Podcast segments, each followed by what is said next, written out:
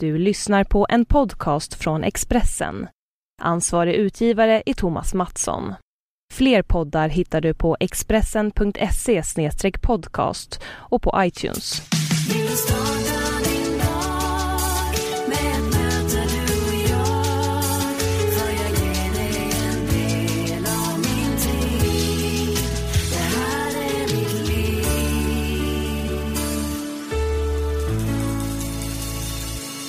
Då var det dags för Livshjulet avsnitt 110. Det här är podcasten där jag, Anna Hegerstrand, möter kända profiler för att prata om livet. Och som poddens namn avslöjar använder vi oss av det populära personliga utvecklingsredskapet Livshjulet. Och jag vet inte om du som lyssnade på min intervju med Brolle förra veckan märkte att jag testade lite nya grepp. Tidigare har vi lagt all fokus på hur livet ser ut för min gäst just här och nu. Men eftersom vårt förflutna påverkar här och nu så tycker jag det är intressant att gräva lite bakåt i tiden. Och jag har även valt att slopa poängsättningen av de olika livstårtbitarna eftersom jag ibland känner att det blir lite väl övertydligt. Ofta får ju min gäst fram väl hur höga eller låga betyg de olika delarna i livet har bara genom vårt samtal. Och efter några veckor i rad med män som gästar mig är det idag dags för en kvinna. Äntligen fick jag till en intervju med den mycket upptagna Arja Saijonmaa som flänger mellan sina hem i Paris och Stockholm och så har hon landställe i Finland. Och intervjun gjorde vi i Stockholm i fredags den 5 juni. Varsågoda Arja Saijonmaa. Men du berättade att du var hes. Nej, alltså inte bara liksom, jag har inte öppnat rösten nu att jag bara går. Inte hes sådär men. Vad har du gjort idag innan jag kom hit då? Jag kom från landet igår eh, kväll sent alltså så att um, jag har varit, uh, gjort ett, ett, en snabbresa till Östfinland. Östfinland? Mm. Var, var, i Östfinland? I Mikkeli. Det heter på svenska någonting så vidigt som Sant Michel men jag kallar det alltid Mikkeli eftersom jag har vuxit upp där och, eh, och det är liksom min hemtrakt så det heter Mikkeli, den finskspråkig område. Och det är Östfinland, 230 kilometer från Helsingfors mot nordost och det är ganska nära ryska gränsen. Och den har varit huvudstads eh, huvudkvarteret i alla krigen mot Sovjet. Och det är liksom en militär stad och har stor, stort renommé och, och ehm, ärevördiga traditioner. Eh, marskalk Mannerheim styrde alla finska krigen mot Sovjet just från Mikkeli. Och Mikkeli-klubben eh, är ett mycket famöst ställe. Det är där Marskis snaps har fötts. Jaha.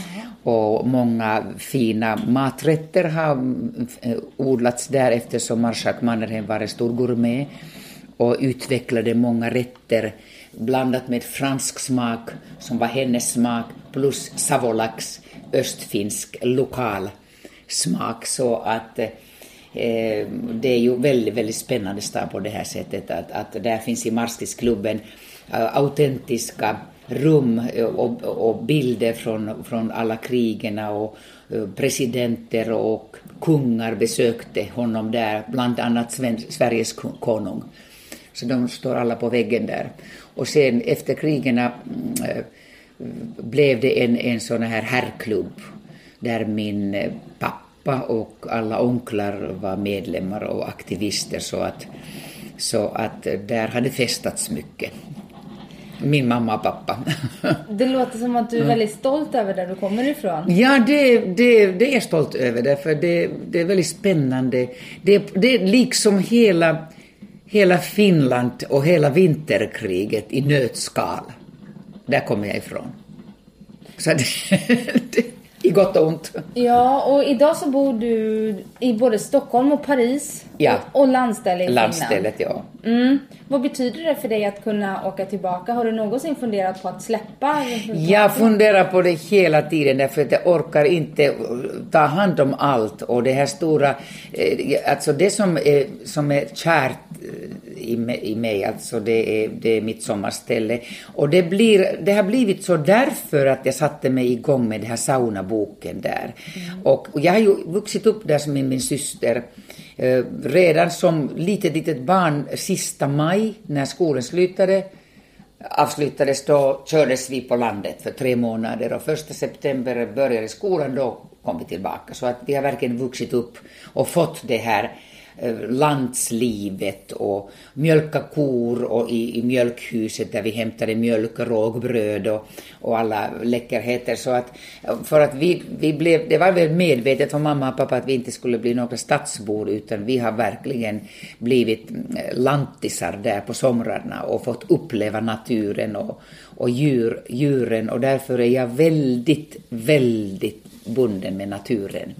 Så att naturen, skogen, sjöarna, eh, dofterna i skogen och hela därmed också bastutraditionen, det är livsnödvändighet för mig. Det är där jag andas och får min, min livskraft. Så att när sen vi delades och mamma och pappa dog och min syster gick sin väg med sin familj, då jag ärvde det hela. Och för mig är det alldeles för mycket på ett sätt. Det är saunabyggnaden och det är en, det är en stor gammaldags timmervilla, eh, renodlad 50-tal, eh, ritad av min pappas bror, onkel Olli som var arkitekt. Och den har desto värre eh, stämplats som kulturminne. Så att det är en av de få Eh, liksom renodlade 50-tal villor på den trakten. Så att det får inte heller förändras så mycket. Och sen har jag min egen stuga som är lite mer modern där och en gäststuga och det är en, en, en bit land där. Och um, jag kunde sälja allt, okej okay, nu får det vara nog. Men då säljer jag mig hela Finland alltså, det är mina rötter. Och det känns väldigt svårt att klippa det navelstrangbandet alltså, fast jag är global och jag är överallt och jag känner mig hemma i Paris och jag älskar Paris och jag älskar Stockholm, jag älskar Norge också och jag älskar alldeles för mycket, jag älskar Aten, jag älskar Buenos Aires, jag älskar liksom, jag bara älskar hela världen. Men, men, men det är mycket att ta hand om på det här landstället. Så att jag är väldigt avvaktande vad jag gör med detta. Men sen kom det här med saunaboken. Jag typ liksom nagla mig fast på varje sten och, och, och, och och eh, björkträd därför att det tog nästan tio år att samla ihop saunaboken och samtidigt blev det sorgarbetet att min gamla mamma inte kommer att leva så länge. Så att jag satte mig igång för att liva upp henne och ge henne motivation att vara, vara liksom mörkvakt Eh, på mörka septembernätterna när jag skrev i min lilla stuga och mamma liksom eh, lagade mig lite mat och tog hand om mig när jag skrev och gav tips och följde upp detta. Och, och, och, och jag liksom blev så otroligt mycket mer kär i det här stället. Så att jag fann, vi fann upp varandra eh, då med min mamma. vi hade mycket, mycket liksom sturm och drang, liksom, mor och dotter, och dotter som vill hela tiden nya saker, blev radikal och ville förändra världen. Det var inte lätt, alltså, min mamma-relation var inte så lätt. Men där i, under saunaboken, vi förenades äntligen som väninnor. Och it was heartbreaking, jag nästan gråter. It was so heartbreaking. Så att jag blir rörd. Mm. Därför att hon, oj oj oj. Hon, vi, vi kunde prata som jämbördiga. Men vi hade ett projekt som hon sa nej hela tiden. Nej, jag vill inte göra någonting, jag vill inte göra någonting. Det var en nej-mamma. Hon har alltid sagt nej. Därför jag har svårt att ta nej, därför att min mamma var alltid nej, nej, nej, det får du inte göra, det får du inte göra. Men till slut, jag, jag, jag fattade att hennes nej var ja. Så att hon skulle velat göra detsamma. Men det var en sån process i henne liksom att, eh, jag vet inte vad det är, skydda dottern eller... Var hon eller, rädd? Kanske det också. Men det var ju, det var, det var en ja-mamma men, men väldigt mycket omvägar. så att, men det var så, det, jag har oförglömliga minnen när, när jag höll på med min saunabok mot min mammas vilja och ändå var hon där och ringde efter att ska du inte komma snart liksom. Och det var livsnödvändighet för henne att jag var där. Och jag nästan kände någonstans att jag förlängde hennes liv därför att när boken kom ut i Sverige, min mamma dog. Det var som, han, som hon hade varit sån här skyddsängel. att jag får boken färdig. Så att jag har jättesvårt att, eh, att skilja mig från det här landstället. Fast det är liksom pain in my ass just nu alltså. Men, men jag, jag, det är klart att, eh, att om jag, jag, jag är så bunden med natur att om jag, skulle, jag skulle, inte skulle ha en sån andningshåla eh, skulle jag förmodligen bli sinnessjuk därför att Norden är så mycket ljus och dofter på sommaren så att jag kan inte vara borta någonstans ifrån Norden. Norden kan vara också Norge och Sverige lika mycket. Jag delar ju Norden med tre länder. Men jag har försökt vara vissa midsomrar i Grekland och, och jag blir nästan sjuk i kroppen. Jag tycker allt är fel. Liksom. Hela Egeiska havet och stjärnorna och glittrande natthimmel alltså, som speglar sig i i dessa små algerna på, på, på havet, alltså så vackert som det kan vara, men det är ingenting liksom just nu är midsommar i Norden, varför är jag inte där? Varför sitter jag inte där? Så att det är inte så lätt, men så att jag, jag har ju det här landstället och nu har jag satt igång och börjat restaurera petiskt. Som perfektionist som jag är, då blir det inte lätt, men, men ja, det är ett underbart projekt. Alltså jag ska återställa sommarstället till det här skicket som det var, som det var ny och ung och fräsch och pur 50-tal. Så att nu har vi den här majmånaden, månaden, andra våningen och den här originala terrassen. Och sen ska jag ha ett jättestort släktkalas den 27 juni där jag samlar min släkt nu för första gången sedan många, många, många tiotals år därför att Mamma och pappa hade alltid släktkalas där den 29. Det var Pietaris namnsdag, alltså Peters, min pappas andra namn. Och eh, då, då, har jag, då ska jag fortsätta traditionen. Nu, nu fixar jag Pietars dag där den 27 på veckoslutet och där har jag ett mål att jag måste fixa stället med trädgården och med, med in, inredningen så, så långt jag går, går, kommer alltså. Så att eh, det är hektiska dagar.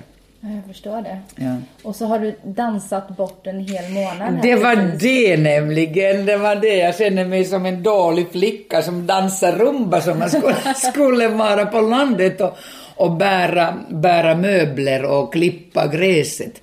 Nej, det blev så. Det var en, en orsak. Jag tvekade att ställa upp på det här Let's Dance därför att jag hade avsatt hela maj att jag ska bevaka den här restaurationen. Jag har en fantastisk restauratör helt, helt otrolig personlighet där som håller på. Men det blev inte så. Det blev, det blev dans. Eh, men, men, men jag, jag, så fort som, som eh, Let's Dance var slut åkte jag dit mm, i, i brådskande liksom, hast att, att kolla att allt var okej. Okay. Och det var ungefär okej. Okay. Några små förändringar som hade passerat mitt öga men det hinner vi rätta till. Och så vet jag att du ganska snart också, du ska mellanlanda lite i Göteborg här efter att vi mm. ses. Du åker redan imorgon? Ikväll, alltså jag, jag ska sjunga på nationaldagen där på Slottsparken. Ja. Så det är jätte, en stor ära naturligtvis, ett förtroende. Jag sjunger där för, speciellt för alla nu, nya svenska medborgare som har kommit från hela världen där. Och sen har jag en välgörenhetsgala där på söndag och måndag och sådär. Innan du flyger vidare till ditt andra hem i Paris. Paris, ja. Hur hamnade du i Paris? Jag hamnade i Paris med Theodorakis, den grekiska kompositören som, som bodde där i exil och har bott där.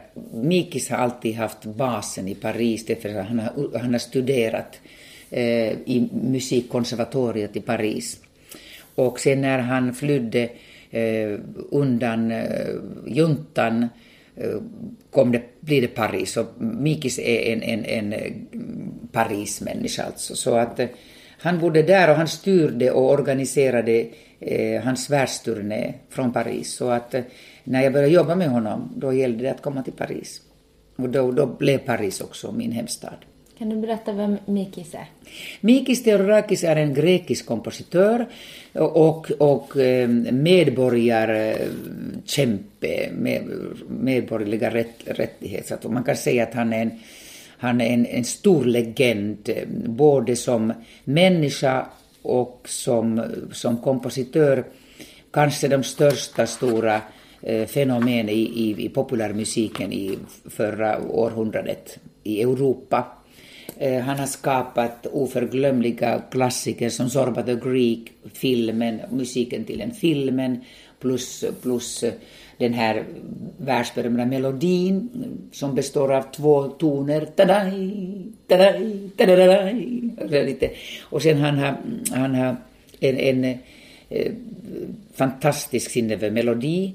Man, kallar, man kan kalla honom också den klassiska musiken, Eh, alltså den populärmusikens Schubert. Han har en otömlig eh, känsla för melodier. Han har skapat tusentals populärsånger. Han har förnyat och skapat den nutida grekiska populärmusiken. Han gjorde kulturrevolutionen redan på 50-talet. Så att eh, den musiken som vi hör idag i Grekland är väldigt mycket baserad på Mikis Theodorakis eh, teorier om, om musik. Och han har ju betytt väldigt mycket för din karriär och för dig. Du har ju skrivit en bok, En ung naken kvinna, mötet med Mikis. Mm. Och jag, ni hade en kärleksrelation också? Nej, vi hade inte, inte en kärleksrelation. Och vi, hade en, en, vi har en kärleksrelation för livet, men det är inte, inte det som alla tror att det är, utan det är en, han är min stora mentor. Han har lärt mig att sjunga och hans, hans teorier om, hans uppfattning om konst och musik och, och text framför allt, eh, behandla texten och poesin i musiken är är väldigt, väldigt eh, basis för, för mitt sätt att vara artist. Jag läste en intervju med dig där du eh, berättar att du sa nej till kärleken. Och att, mm. och att det har följt dig genom hela livet fram tills du gjorde upp med det. Med Mikis? Ja. Nej, men jag sa inte nej till kärleken utan, utan jag var en ung radikal eh, flicka som han hittade i Helsingfors studentteater därför att jag sjöng hans sånger och han ville att jag skulle följa med honom på världsturnén som solist, som den enda icke-grekisk solist, så att jag är den enda som har varit och kommit så nära den grekiska kulturen, eh, hans musikaliska värld. Men det var ju alltså det stämmer ju inte det här som man pratar om. om, om. Det är klart att jag blev förälskad i, i, i honom också som en, en hjälte. Mm. Men, men jag, jag, det var musiken och det, framförallt den politiska kampen som förenade oss. Jag var en väldigt politiskt medveten ung jänta. Alltså. Jag ville förändra världen och framför att kämpa mot diktaturer och för mänskliga rättigheter. Det så, därifrån fick jag min första impuls att bli artist alltså. Jag har alltid tyckt, och tycker även idag, att man ska ha ett lite större motivation att stå på scenen. Därför att stå på scenen är, en, det är ett heligt ställe för mig och det är väldigt mycket ansvar. Otroligt mycket ansvar. Om du, blir, om du står där och du blir förebild och folket lyssnar vad du säger, då ska du veta varför och vad du säger. Och i, i unga år var det alldeles klart att jag ville, förvan, jag ville göra kulturrevolution, jag ville förändra världen, jag skulle korrigera alla orättvisor som fanns eh, med den här radikal, radik, eh, entusiasmen, unga idealismen. Och Mikis kämpade mot diktaturen i Grekland med helt hullhåret, liksom, intensivt, med alla, all hans liksom grekiska passion och patos och rätts patos och konstnärlig etos. Så att eh, det var klart att det var ett, eh, en förebild och jag blev liksom, liksom totalt hängiven och jag blev också på kuppen naturligtvis lite förälskad i den här, den här mm, hjälten där men jag var inte den enda, det var ju eh, nästan alla runt honom var lite förälskade i honom. Men jag hamnade i det läget med honom när jag, eh, jag bodde tillsammans med hela gruppen och vi slet oss runt hela världen från Australien till Sydamerika i daglig liksom, ups and downs. Då alltså, jag, jag mötte ju också mannen Theodorakis och jag kan inte förneka att mannen Theodorakis var väldigt intresserad av mig som kvinna också. Men, men jag, jag liksom höll mina gränser och integritet jag gick inte den vägen i vårt samarbete utan jag höll flaggan uppe. Jag hade hela Norden att försvara och politiska ideologier och jag, var, eh, jag, jag skulle lära massa saker. Det här samarbetet skulle bli mångårig, kanske forever. Han pratar om att jag ska lära grekiska, flytta till Grekland och, och, och, och, och bli en av dem i lång, långa loppet. Och då såg jag liksom att nu ska du inte börja fantisera med amorösa tankar utan, utan det passar inte in. Jag, jag, ville, jag ville inte gå den här vanliga gamla väg, vägen som alla kvinnorna går. Så att jag sa nej när han försökte närma mig någonstans i Paris, det står i boken. Mm.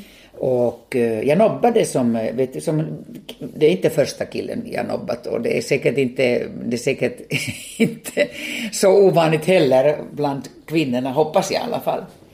Så att jag tyckte nej, det passar inte och så, så att eh, så jag liksom, och det, alltså det kanske satte lite sådana här, eh, vi säger man, hur säger man nu, spänningsbjälkar mellan vårt förhållande på längre tid, därför att man säger inte nej till en hjälte som är grek. och Som är kretensare förresten också, men det sa jag. Så att jag blev ett problem för honom, hur jag ska hantera mig. Och eh, jag, jag kände liksom likadant, så att det var väldigt spänt. Men vi fortsatte vår turné och fortsatte vår turné och fortsatte. Och jag fick mera mera sånger att sjunga på grekiska, jag blev mera mera nära honom. Och han insåg att så han fick en väldigt respekt för mig. Han insåg att här är det, och därför kanske jag vet att jag har betytt honom extra mycket liksom. Så att jag, att, att ehm, det blev ett intressant, väldigt intressant förhållande just genom att jag visade också en väldigt stor stolthet och integritet. Fast det kanske smärtade mig då. Men i långa längden är det helt annat. Och jag, idag är det liksom en av de vackraste relationer man kan ha mellan Mikis och mig. Att det, det här med, med Mikis är ju, alltså Mikis är ju en otömlig källa av inspiration för mig hela tiden. Hela hans tankesätt, han är ju en filosof också. Och, och han pratar om, om, om, om, harmonin i musiken som, som liksom kaos i universum, dansen, dansen runt universum mot, mot centrum av, av, av att musiken, musikens helande kraft är väldigt stark och det kommer fram i hans sånger. Eh, kanske därför just stranden och sång om frihet och sådana saker har blivit klassiker och för mig också en, en, en källa för, för eh, en, en sån mm, liksom lycka därför att eh, melodin och, och texten som han har studerat och hela sitt liv alltså att hitta harmonin mellan ordet och melodin. Och när det stämmer, det blir väldigt enkelt. Och det är just den här skillnaden mellan en banal enkelhet och en genuin enkelhet. Och när han har kommit fram detta, det låter så enkelt att det inte är sant, mm. men i den enkelheten finns en magi som, som inte kan förklara med, med ord, men du känner det med hela din själ och hjärta och kropp. Och där, det är det magiska i konsten. Det är liksom kärnan av konsten att när det, det flyter som en sån här, som en sån här eh, osynlig energi som, och fyller människan. Och, och, när jag ser det när jag står på scen, hur, vad, hans, vad, vad hans musik gör med folket, jag får varje dag bekräftelse att där finns någonting. Nu ser jag inte att det inte finns någon annanstans heller, men det är sån här, de full, liksom, eh, sån här fullbordandet av en viss konstnärligt tänkande som, som jag har mött i Mikis. Därför att jag vet hur han har strävat efter hela sitt liv, just den här enkla föreningen mellan ord och musik. Så att... Eh, och jag vet att du fick kämpa ganska hårt för, för din egen konstnärlighet. Det var inte populärt när du ville ägna dig åt musik hemma? Nej, jo, jo alltså jag... Men jag kommer ju en sån typisk eh, konservativ familj alltså, där på den tiden det akademiska examen var det enda som, som värderades. Och det var liksom ett typ villkor som barn att du ska bli akademisk. Att du ska få akademiskt examen. Sen kan du göra vad du vill som ett hobby. Och det är en sån här typisk eh, eh, småborgerlig mm, tankesätt att man ska man ska ha konst som hobby, men man ska bli garanterad att du tjänar ditt levebröd. Och på den tiden var det att du ska bli akademisk och då är det läkare och domare och advokat och mm, ekonomist eller något sånt. Så att äh, egentligen eh, det, det är någonting som var så påklistrat i den tidens tankesätt. Båda mina föräldrar var väldigt begåvade musikaliskt, så att egentligen vi var ju en, en musikfamilj och jag ville verkligen backat att, att eh, öva musik så att jag kunde spela piano innan jag kunde läsa så att de satte mig omedelbart eh, till en pianoskola eh, som barn och på den vägen har det varit så att eh, det musicerades i min familj. Pappa, pappa är cellist och drumslagare och jazzpianist på, på, under sin studenttid. Och sen, sen spelade han cello så länge han, han kunde och, och hälsan gav, gav vika med, så småningom. Men, men, och mamma var pianist också som hobby då.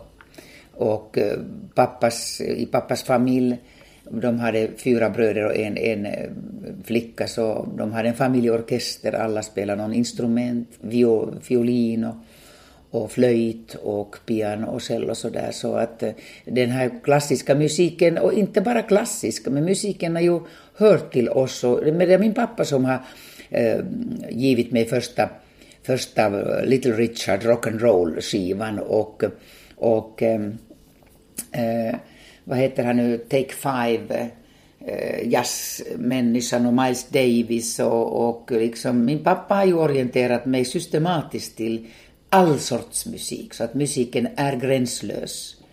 Eh, baserat på en klassisk kunnande, musiken är gränslös, att jag kan absolut hålla med på att jag inte, att jag har fått kämpa liksom. Jag har, jag har givits hela himmelriket av musiken som litet barn. Mm. Jag, jag, jag har fått om, all, all omsidig och de har inte hindrat mig någonstans som gäller musik. Men de har inte det? Jag fick nej, för mig att det nej, var nej. liksom akademiska nej, vägen. Akademiska vägen blev, men sen blev det, det, det blev en liten krumelur i mitt liv därför att jag, jag anslöt mig till studentteatern som kom med nya politiska idéer om att man ska förändra världen och Bertolt Brechts teaterteorier och kabarésångerna som var kritiska mot samhället och, och, och hela den, min ungdom som rebellerade mot våra föräldrar väldigt kraftigt. Så det var en väldigt kraft, kraftfull omställning just efter krigen. Så att jag, jag ett barn av min ålder, alltså en, en, en revolutionär ålder där alla, alla värderingarna kastades omkull, de klassiska värderingarna, och vi skapade våra nya värderingar.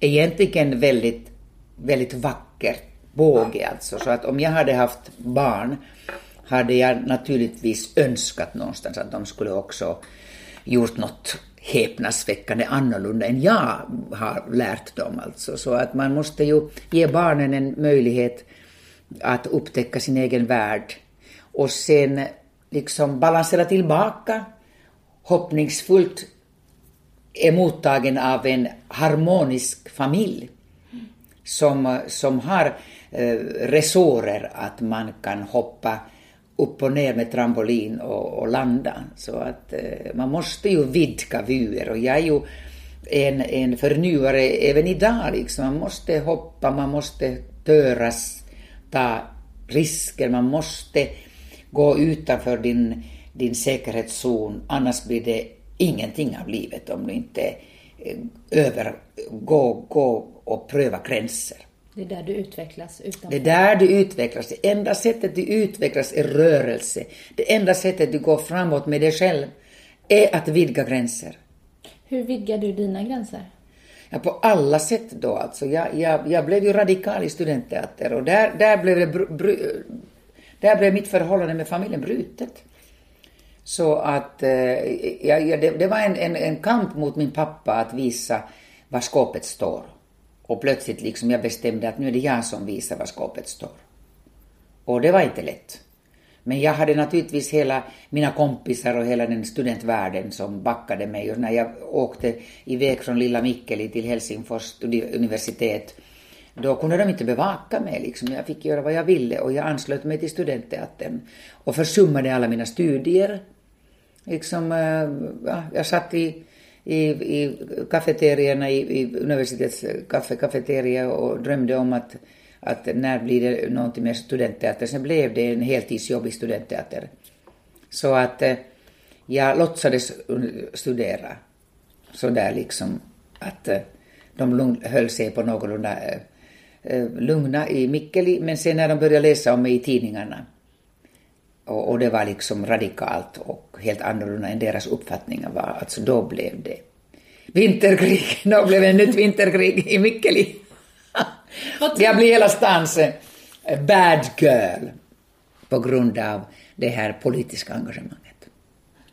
Och hur, när åter eh, tog det, Sen det åter, åter, vi återförenades så småningom, framför allt Mikis Theodorakis och världsturnén var så stort och det var så, så mycket på löpsedlarna och nyheterna i Finland att, att eh, jag tror att det var väldigt, väldigt omvälvande till mina föräldrar också. Liksom, att, vad ska hon nu göra? De var, de var rädda för, för min säkerhet, som föräldrarna är. Men de kunde inte göra någonting. De eh, väntade att jag hör av mig från Australien eller någonstans eh, var jag nu än befinner mig. Och sen kom jag mellanåt hem och somrarna alltid hemma när man kunde. Och eh, så småningom, ja, de insåg att jag, jag tar min egen väg efter Theodorakis. Det blev sång på heltid och, och, och så där så att pappa blev min mest trogna publik. Han följde med överallt och lyssnade och han var ju musikalisk och han hade synpunkter till exempel att jag ska använda mer av min låga register som jag har väldigt lågt och han tycker om lågmälda romantiska sånger och han, han, han i, sitt, i sitt sinne reste med mig och, och allt mitt liv liksom appellerade till hans äventyrslust som alltid lust. Han, han, han, han har alltid varit, varit en resare. Vi har rest väldigt mycket hemma jag har rest oerhört mycket med mina föräldrar som, som litet barn. Liksom. De åkte varje sommar någonstans med bil. Alltså. Först var det Norge och Sverige genom året i Norge och norra Norge och sen nästa sommar var det södra Norge och Sverige och sen blev det Tyskland och sen var det många, många gånger till Schweiz och Riviera med bil. Pappa var landskapsestetiker och, och liksom passionerad fotograf och filmade så att han hade 16 mm kamera när det inte fanns någonstans och han har filmat alltid. Mestadels han filmar nog bergstoppar och vi får stå där som någon dekoration. Mm. Han älskade liksom bergen och, och liksom herregud, vi har tusentals bilder från schweiziska alperna liksom. De har blivit fotograferade så in till den milda gra, eh, liksom, graden att eh, så att han han hade här äventyrslust och kanske jag har fått lite av pappas äventyrslust också i mig. Så att han följde med, med, med, sitt, med sitt hjärta och sinne och jag vet att, att och vi blev liksom det gamla, det var liksom bortblåst vet du. Det hör till en viss epok i sitt liv så att det var, det blev ganska snart okej. Okay. Och du nämnde innan att om, om du skulle haft egna barn så hade mm. du önskat att de skulle göra något. Något som skulle för, liksom överraska mig. Ja. Men du, du har aldrig fått egna barn? Nej, jag har inga egna barn. Nej. nej. Eh, har det varit ett, ett medvetet val eller? Nej, alla val i livet är inte medvetna. Men livet går sin gilla gång och så är det. Mm. Och när det kommer till, till kärlek så har jag också läst att du eh, som offentlig person eh, vakta dig själv ganska noga för att du är rädd för att bli, man vill inte bli någon mans efterrätt, har du sagt. Efterrätt, vad ska man säga? Ja, ja, men det är från boken, det är från Mikis boken igen. Ja. När jag, jag, jag pratar med den italienska väninnan, skådespelerskan, ja. om, som var mitt förtroende under den här, den här turnén, världsturnén. Vi var en månad i Italien bland annat. Och då hade vi en italiensk skådespelerska, Ludovica Modugno, Eh, som läste, läste texten på italienska. Och i och med att jag grekiska musiker var liksom lite som en maffiagäng där med sitt grekiska språk så jag, jag var lite ensam, att någon pratade förtroendefullt med tjejerna emellan. Då jag anförtrodde till Ludovica att, att jag är kär i Mikis. Och det var just den värsta kristiden just i Italien. Och då började vi diskutera om, om jag borde ha gjort det eller inte. Säg snack! Liksom, Sex and the City snackas. Borde jag gjort det eller inte gjort det? Och jag ångrade lite och jag tänkte vad skulle du gjort och vad skulle du gjort? Och då det kommer en vår diskussion som är ganska humoristisk, man tänker på det idag, att, att, att eh, vi konstaterar att det är bättre att det inte gjorde det, för att man vill inte bli eh, någons efterrätt. Och efterrätten blev, blev att när musiker pratade med varandra, de pratade om kvinnor och liksom sina erövringar natten innan och sånt. Och Mikis var med på det här snacket. Och det var i middagarna vi satt. Och så att allt var öppet och de snackade liksom sådana där musikerspråk, liksom så här på turnéspråk, lite med humor också. Inget allvar med Ludvig jag var där och mer och lyssnade. Och vi hade båda lite sådana samma erfarenheter att, att den heta latinska temperament, att det blir liksom knackningar på dörren på nätterna mm. också på henne och mig. Och sen konstaterade vi, vi på det här middagsbordet att vi vill inte bli ett samtalsämne som efterrätt i middagsbordet. Det är därifrån ja. kommer det där. Det, jag kan förstå, jag kan relatera, det är samma sak Precis, nu. precis, det är samma sak. Man vill inte vara ett samtalsämne. Ja, precis, apropå med, med sina, dina, sina kärleksaffärer, absolut mm. inte. Är du öppen för kärlek idag? Ja, faktiskt, det är jag. Jag börjar bli öppen för kärlek. Alltså, jag är så passionerad i mitt, i mitt fantastiska arbete med olika projekt på många fält faktiskt. Och det är så spännande saker på gång. Men nu tänker jag att det vore kanske dags att titta åt det hållet. Mm. Att ha en partner och, eller någon kärleksstory eller något sånt spännande. Mm. Ja, du har ju en otrolig inre glöd och passion bara du pratar så märker man ju det. eh, men vad, vad, är det du söker efter då? Jag söker ingenting, men jag är öppen om det dyker upp någonting. Mm, inga ja, speciella ja. egenskaper som du känner är... Jag tänkte på att du kanske frågade och då tänkte jag liksom att det, det enaste egenskap som är viktigaste för mig i ett, i ett parförhållande är att man kan skratta. Humor är det viktigaste. Om inte du kan skratta tillsammans med någon kan du inte göra något annat heller. Det vet jag när jag tänker på mina tidigare relationer. De man minns eh, och som har varit svårast att ta sig igenom, det är ofta inte de som har varit bäst, men det är de man har haft roligast med. Precis, inte sant. Ja, det är det. Det är ganska enkelt, men ganska svårt också. Men, men, men humor och skrattet är liksom det som jag uppskattar mest. Du nämnde här också innan att du ska ha en stor släktfest på ditt ja. landställe. Ja. Du fyllde ju 70 här mm. för, för mm. ett halvår sedan. Mm. Hur, eh, hur tänker du inför det med arbete och sådär? Du jobbar ju otroligt mycket. Ja, men jag tänker inte på det. Jag tänker faktiskt inte alls på det. Jag tänker på hur jag mår och jag mår som en ung flicka liksom, som jag vore 35-åring. Och jag utgår från det. Mm. Och det räcker. Mm. Mera, mera funderar jag inte på det. Hur tar du hand om din hälsa? Ja, Mer eh, än att äta nötter som ja. vi gör här nu och dricka eh, sojamjölk i kaffe. och dansa i Let's Dance. Ja, ja, dans, alltså dansa Let's Dance var en riktig vitaminspruta. Mm. Fast jag tänkte tvärtom att jag inte orkade för att jag var ganska stressad med turnéer och det här restaurationsprojektet samtidigt. Men, men, men när jag kom på fötterna och började träna och det var väldigt tufft i början. Jag var så otroligt trött men då hade jag dubbelkonserter på dagarna jag besökte liksom ålderdomshem, jag hade en turné i, i Sörmlandet, alltså det var väldigt givande och härligt. Men sen skulle vi repa med Tobias efteråt här. Han väntade mig på träningssalen när jag kommer efter två konserter och då var det tufft. Men sen det tog slut i slutet av april och sen eh, bara genom att man är trött och man svimmar, man sover på nätterna, sen man börjar igen och sen gör det ont i, i kroppen kroppen och, och hela det där att dansen är så roligt samtidigt och det är musikaliskt och det är rytmiskt och, och då på, på den på det sättet du fick liksom en, den nödvändiga träningen också så att jag plötsligt märker jag att jag börjar äta mer hälsosamt för att orka och då börjar musklerna förstärkas och växa igen istället och jag går ner i vikt och, och jag äter rätta saker och så plötsligt blir jag stark, starkare, starkast. Liksom. Hela den här slitsamma processen egentligen blev en stor seger för mig.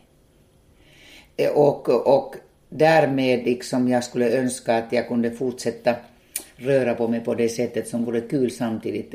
Dansen är ju otroligt bra träning och, och pardans är en riktigt tuff träning. Även, även fråga Ingmar Stenmark och alla olympiska eh, medaljörer eh, vad är, vad är tuffast? Alltså, det tuffast är att få dina små muskler att fungera med, med, med takt och timing och rytm och eh, inte använda bara liksom, liksom kraftfulla stora lyftmuskler utan hitta just de där vidriga små musklerna som, som ger elasticiteten som passar till dansen. Så att den är en ypperlig, ypperlig metodik att hålla dig i trim. Om man bara kunde hitta ett sätt att börja pardansa, vilket är ganska svårt i Norden idag. Vi har inte sådana ställen som du kan gå och, och, och professionella dansarna har har liksom en, en permanent partner.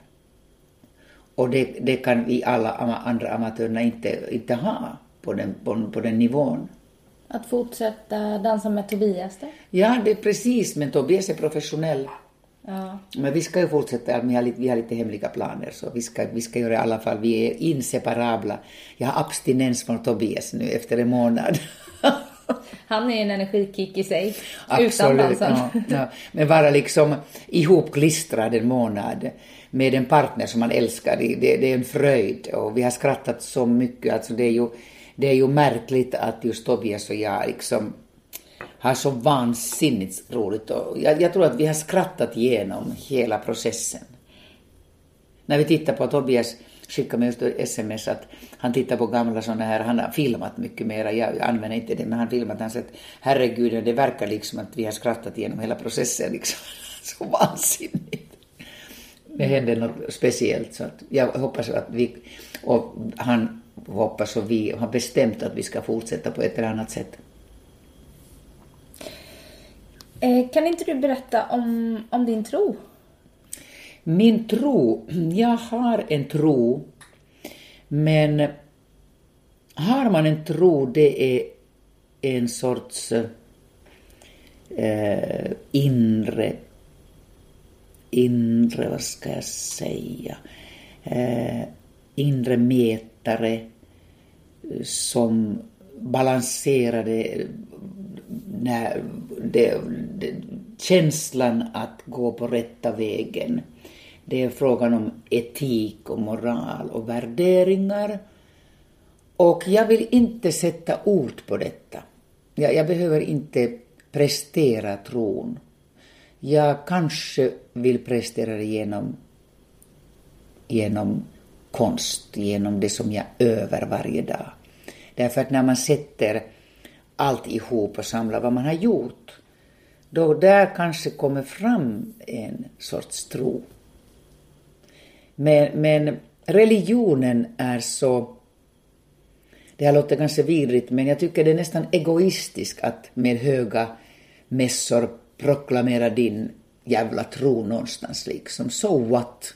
Alla vägar leder till ljuset och alla religioner är precis lika berättigade. Och det är så otroligt missbrukt, det här området. Alltså när du förkunnar att det här är min tro och jag ska döda för det. Och du får inte, du är, du är dålig, vet du, det är jag som går Guds vägar. Det är något så otroligt egoistiskt. Det är liksom något så fruktansvärt egoistiskt att, att reklamera din tro hela tiden. Liksom visa det, gör saker, var tyst. Bevisa vad du går för. Och inte liksom skrika ut det och röja undan alla andra. Det där börjar krigen som vi ser nu runt oss alltså. Titta på vad världen består idag. Det största hotet, det enda vi har vid sidan av, av eh, liksom pollutionen, är religionerna. Har alltid varit. Det är väldigt, väldigt märkligt. Men jag har fått för mig att du har någon slags buddhistiskt synsätt. Ändå. Ja, det är alltså, jag är inte någon buddhist heller.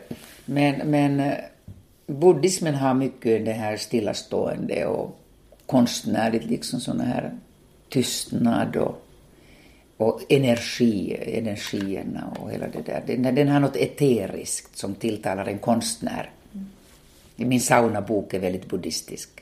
Det var så lustigt när jag var i Japan och boken kom ut där Och de hade läst det som bibel och de hade understrukit där, de sa liksom att är du buddhist, att det är så nära vår buddhism, den här boken. Och vadå, visa mig, visa mig ett ställe där jag är buddhist. Och då tog de fram en, eh, en sån meditation som jag har mellan, satt mellan saunaboken, såna här att jag sitter på saunaverandar och lyssnar på naturens röst och sen kommer tankarna och går. Och eh, sen har jag fabulerat någon liten stilleben sån här dikt också om vågorna och vinden och små, små eh, sjövassen som går runt där och sen är det bara tyst. Och de tog fram en sån meditation. Där, här är du buddhist. Hur kan du ha skrivit en fulländad haiku-dikt? Och det är en sån liten tanke från naturen i all sin enkelhet. Och om det är buddhismen, då är jag buddhist. Men det är ju alltså återförening med natur. Jag tyckte det var lustigt, liksom, det här med, med, med japanernas reaktion. Men jag kan förstå det, liksom. Deras eh, haiku-dikter är ju alltså små tankar från naturen och underbar. Jag har alltid fascinerats av, av japansk kalligrafi. När jag var med Mikis i Japan Nej, jag var inte med Mikis, jag var med Caroline Carson med Japan och då, då var det helt fantastiskt att se en sån sån, alltid varit fascinerad av japansk kalligrafi som heter Silence, Center. De har namn till en, en kalligrafisk eh, en, en bokstav. Deras bokstäver är redan konceptuella. Och liksom alla tittare, hon, en liten, liten eh, man tog en stor pensel och hoppade på det här vita pappret på golvet och gjorde en sån tecken och alla ah, eh, vad blev det, vad blev det? Och sen uh, sa han liksom att det var någon sorts just silence, tystnad. Eller, eller någon naturbild eller, eller en, en evighet eller kärlek eller något sånt. Så att det, det ligger i deras språk och kultur i Japan att tänka konceptuellt och mycket nära naturen. Så att det, det, det har också någonting med buddhismen att göra. Mm. Det är fascinerande och jag, jag fick mycket inspiration för min saunabok. När jag sitter på min strand och, och, och tittar på det här vassen och strandlinjen som går så otroligt musikaliskt och böljer där och vattnet och står stilla. Sen kommer regndropparna där och det är som en japansk haiku-dikt. Är du bra på att vara här och nu? Använder du dig av meditation?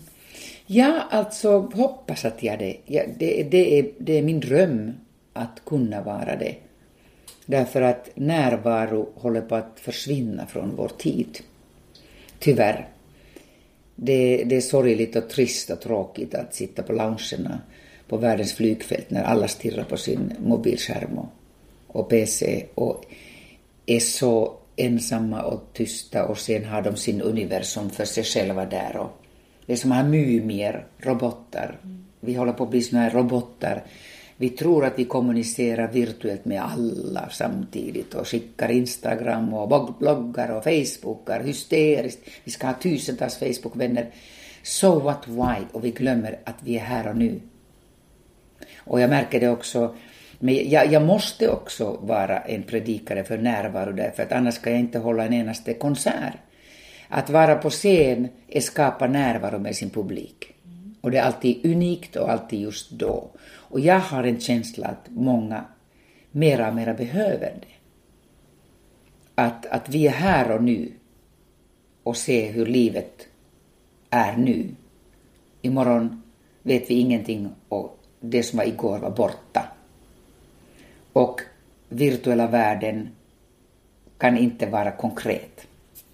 Det kan vidga vår, vår hjärna liksom tills den blir svullen av inflammation, av för mycket information och hysterisk någonting. Det är något som är inte riktigt friskt där.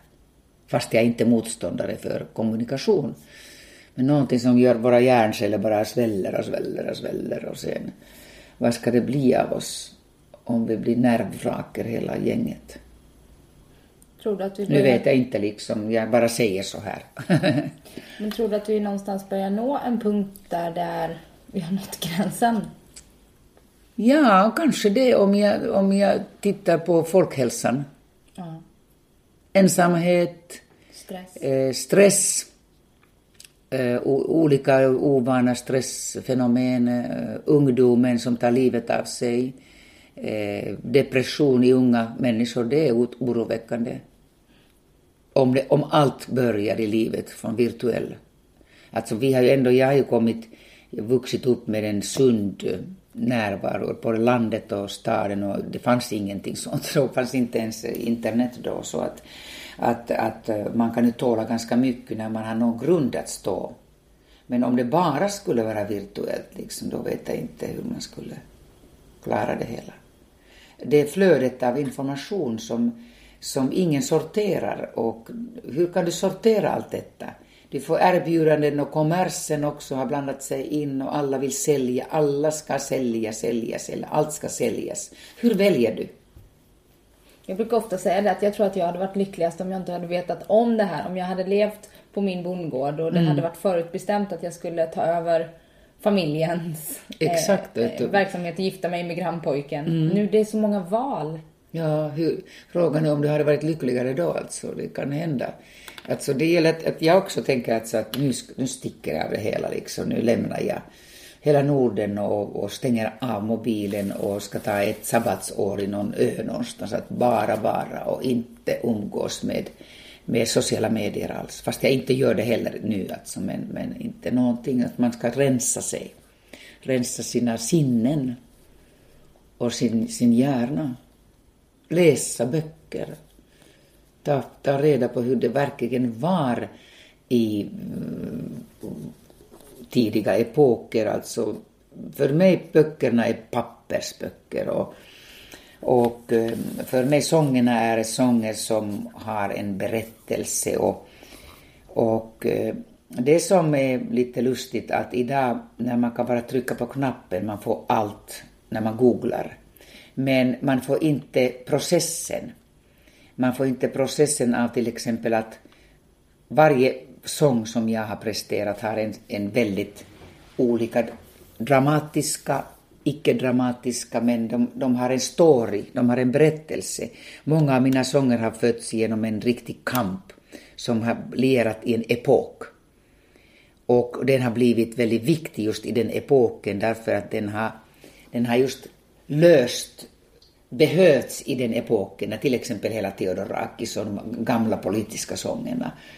Och, och sen, sen, sen har jag försökt bygga broar mellan, mellan nordiska kulturer. Jag har tagit in hit finsk tango på svenska och, och Jag vill tacka livet är en chilensk sång som har fötts utav kampen mot chilenska diktaturen. Ingen vet om detta i dagens läge, men det är också en oerhört stor story med kamp och dramatik att få fram den här sången på svenska och hittat den i Argentina som jag gjort i Buenos Aires. Att jag hittade den på Buenos Aires och har gått den långa vägen i min resväska och den har kommit hit.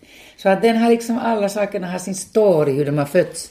Och det är en del av charmen och en del av eh, en del av men, men, mänskliga livet att alla sakerna kommer inte gratis utan de kommer de har en orsak varför de har kommit till. Men när man, när man trycker på knappen man får bara resultatet och det är okej det också, jag är inte någon motståndare för detta. Men jag bara tycker det är lite synd att, att bakgrunden, historien, magin och hela charmen försvinner alltså. Så att det är bara lista saker alltså. Det är bara, allt är platt. Hela, hela världslitteraturen och musiklitteraturen har blivit en sån här en platt skärm som du trycker på att få det. Och hur, hur placerar du alla de sakerna i din egen fantasi? Saker får mindre betydelse på något sätt. Jag vet inte, jag vet inte. Det är intressant. Och jag vet ju att Jag vill tacka livet det betyder väldigt mycket för dig. Mm. Vad skulle du säga är den viktigaste milstolpen i din karriär? Nej, men det är en stor sång. Det, det är många milstolpar innan. Ja. Mik, Mikis Theodorakis eh, musik eh, var en milstolpe, att den kom till Norden och, och, och Sverige också. Och där fanns sång om frihet och massa andra sånger. Och, och eh, Jag vill tacka livet var en slump också. Liksom det var med i den skivan som jag gjorde med Inti Limani, som var den chilenska gruppen som bodde i exil i Europa. Och vi skapade 13 sånger av Violetta Parra. Utav dessa 13 sångerna var en av dem Jag vill tacka livet. Den låg sist på vår LP. Och där poppade den upp helt oväntat som nummer ett i Svensktoppen. Så att eh, det, var, det var en märklig sång, det, var en, i, i, det blev en väldigt viktig sång när jag hittade den sången. Det blev en, i mitt eget privatliv, en, en, en eh, vägvisare i mitt liv. Alltså så att eh, den har en sin dramatisk eh, orsak varför jag har tagit den på min, på min repertoar då. Men det, det är min egen liten privat historia som jag är just nu inte färdig att dela med mig av. Men den blev väldigt viktig sång och med till mig också. Och nu är den viktig på alla sätt. Det är en inspiration hela tiden. Jag bara inte fattar att den är så viktig och så stor. Men när man läser dessa enkla orden, då är man nära närvaron och väsentliga saker. Så att det är en stor sång. Och jag är idag ödmjukt liksom hedrad att jag får bära den sången på mina axlar så länge jag lever. Så att nu frågar jag, why me? Vad har jag gjort att, att den sången har sänkt sina underbara vingar just på lilla Arje som satt i det här kalla rummet i Buenos Aires hösten, alltså augusti 72 eh, livrädd att tank, tankarna, stridsvagnar utanför och var på väg till eh, Lima, Peru och jag fick den här lilla kassetten som en gåva där, avskedsgåva. Och där sjöng den här lilla, lilla voicen, alltså Violetta Parra, Gracias a la vida och den klingade väldigt annorlunda och det liksom att vad är detta för någonting? Alltså bara en liten trumma som bankade i bakgrunden med en ackord. Och att det här är ju märkligt. Och den satte jag den, alltså det måste jag lyssna senare och jag packade ner min resväska och vi lämnade det kalla Buenos Aires. Det var ju vinter då i augusti där och det skrämmade Buenos Aires och åkte vidare. Men då, då hände något liksom, då var det liksom klick. Den sången bara flög i min resväska. Och där, där puttrade det flera år innan det var dags att ta fram den i, i nyårskonserten i Sverige 75 när jag skulle vara värdinna och, och sjunga någonting och jag letade efter och sen hade jag fått fantastiska svenska texter av Britta Åman, en, en journalist som jobbade i Sveriges Radio. Och hon hade älskat Violetta Parra och skrivit för sig själv dessa sångtexter på svenska. Och den tog mig som eld i lågor därför att det var just det som jag hade hört enkelheten, osentimentaliteten. Hon hade inte försökt vara poet, hon har bara listat upp alla saker som vi ska tacka livet. Så att det var liksom en match mellan Violetta Parra och, och eh, sångens svenska översättare. Och jag tog det med på nyårskonserten på ett mycket kritiskt läge i mitt eget liv och sjöng den där. Och då kom chilenarna till mig och sa att aha, du sjunger vår största sång alltså. Nu ska du börja, vi vill att du börjar jobba med Inti Limani som är vår bästa grupp som bor i exil i Rom eftersom du också jobbat med Mikis Theodorakis då vill vi ge dig det bästa. Och de, jag, jag följde med på de tog mig till Rom och vi blev jättevänner, de härliga sex eh, stycken indianerkillar från Peru, Peru och Buenos, alltså, Chile och jättebegåvade musiker och höll med massa musik och också hade bland annat Violetta Parra i sin repertoar. Och då började vi göra den här skivan på svenska. Och sen, sen spelade vi in den Eh, här i Sverige och sen gick jag på folkparksturné första året och andra året också. Det blev jättesuccé och sången hoppade på Svensktoppen och på den vägen är det. Och idag har det hänt så mycket med den sången att idag tittar jag tillbaka liksom att vad konstigt att det liksom nästan liksom att ingenting är slump i livet, liksom, så man bara följer tecken. Så att idag bara är liksom att liksom sådär att ja, ja, ja, jag följer, då, då sången följde mig. Men nu följer jag sången. Efter sången. Jag reser vart sången vill åka. Så att eh, den, det, det är nu den bemästrade alltså. The song has the commandot. Aja, tack snälla för att du ville gästa Livshjulet och, och berätta. Tack så mycket att du ville göra detta. Det var väldigt spännande. Ja, och lycka till nu i, i Göteborg och ha det ska härligt du ha. i Frankrike. Tack ska du ha. Innan det blir jobb med landstället. Innan det blir jobb tillbaka till, till, till rosenbuskarna. Ja. Ja. Jag har ju mycket jobb alltså också på sommaren. Jag ska bland annat eh, jag göra en helt nytt koncept. Alltså vi, jag hade, dagen efter Let's Dance hade jag redan en konsert, en ny premiär i Gripsholms slott med succéorkestern Astoria från Eskilstuna. Härliga killar som har en stor orkester, big band, men de har specialiserat sig i tyska och centraleuropeiska eh, slager på 30-talet. Så att vi har skapat eh, under som våren nu ett nytt koncept som vi ska ha två, små, två mera sommarkonserter och vi får se om vi fortsätter i höst. Alltså jag sjunger sånger mellan två krigen. Mm. 30-talsslager. Stora, härliga, fantastiska sånger alltså på svenska och tyska. Och så att den har vi, den 24 har vi i en konsert också i, i, i Sörmland i Hane Hane, Hane, Hane, Hane, Hane någonting. Det är en, en parkkonsert. Den 24 Som maj? den 24, eller 24 juni? 20 juni nu redan. så att jag, ja, det är mycket på gång. Haneberg. Mm. Haneberg 24. Och sen ska jag vara med på Tåbdagarna och det är jättemycket på sommaren så att det är mycket på gång nu. Jag förstår det. Och lycka till med allt som sagt och tack snälla för att Tack ska du ha. jag Tack. fick prata med dig. Tack, tack.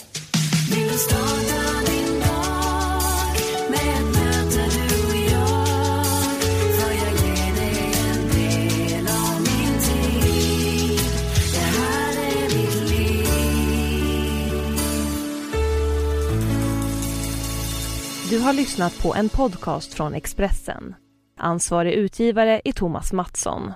Fler poddar hittar du på expressen.se podcast och på iTunes.